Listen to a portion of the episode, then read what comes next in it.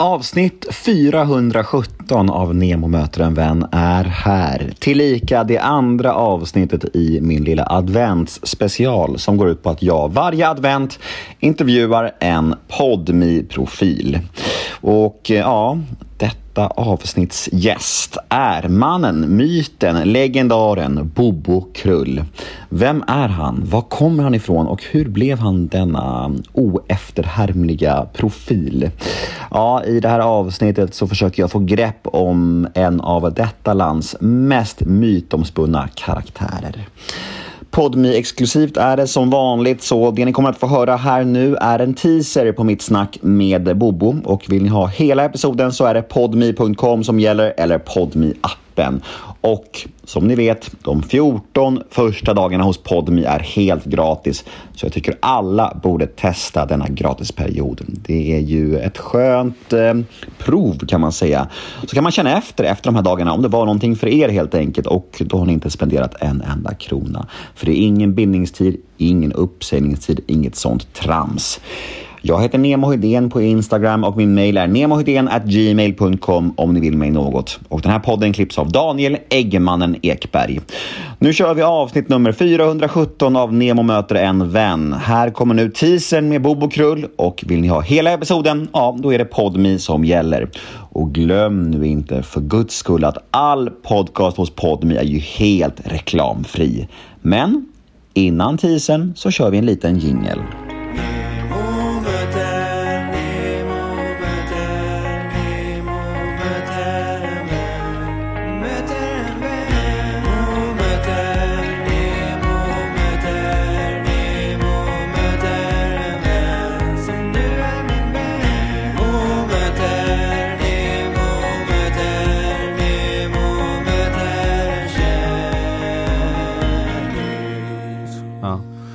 Så att, eh, men ja, nej, jag har klarat mig bra ändå får jag säga. Mm. Eh, och det är...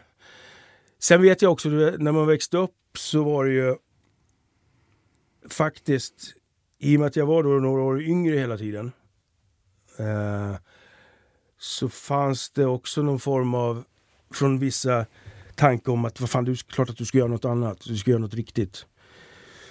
Eh, så det var lite, det var lite så jag också kom in på det här med radio överhuvudtaget faktiskt. Det var ju ren fuskgrej. Eh, jag hade inte alls tänkt det. Jag var ju hemma och jobbade, slog ihop pengarna eh, och var, ville bara ut och resa, som vilket jag gjorde en del. Men så var det en som nästan mer eller mindre hotade mig upp till Kalix. Där jag träffade Olle Palme och gjorde Pippi Rullsen. Mm. Så det var ju också, det, det, så här, det är ju mycket tillfälligheter hela vägen, hela livet.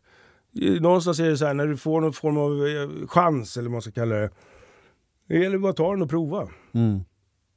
Så Men är det. hur minns du den tiden då, Pippi Rull-tiden? Det var, det var du, det var Olle, det var också Mårten Andersson, var det inte Mårten var med också i början. Han ja. körde ju rösten, eh, Dr. Alban och lite andra sådana. Just det. Så, ja. Hur, vi, hur minns du den tiden?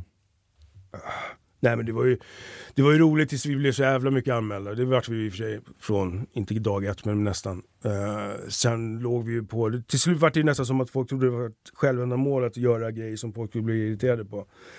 Vilket det inte var, vi gjorde samma sak hela tiden skulle jag säga. Men det var bara att de fick upp ögonen för det här med att man kunde anmäla. Så att det nästan vad vi än gjorde till slut.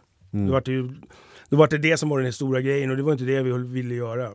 Det är samma, lite grann samma det som jag gör nu. Uh, vi sa det någon gång, kommer jag ihåg, att just det här att få ut någon form av... Så här, det fanns faktiskt en tanke och ambition med, med Pippi Rull och det var ju faktiskt att ta upp det dagsaktuella. Men på ett sätt som kanske kan nå folk då som i allmänhet inte bryr sig. Mm. Inte, inte överhuvudtaget. Så jag menar, hur får man då kanske folk att eh, veta att det pågår ett val i USA?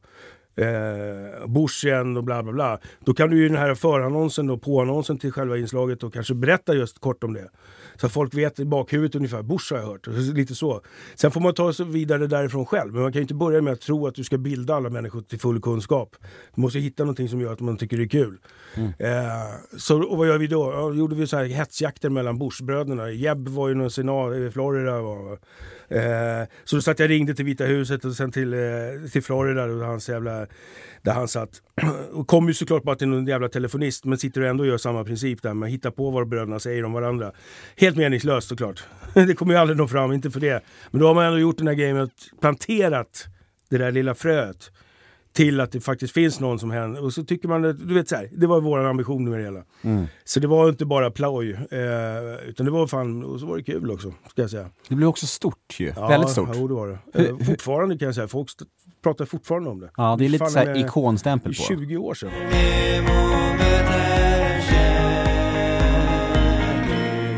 Ja, där var ju tyvärr teasern med Bobo Krull redan slut. Men om ni känner att ni vill ha fullängdaren av denna episod, om ni vill höra hela vårt snack, ja, då kan ni gå in på podme.com eller ladda ner podme appen För där finns detta avsnitt i sin helhet. Vi hörs på podme.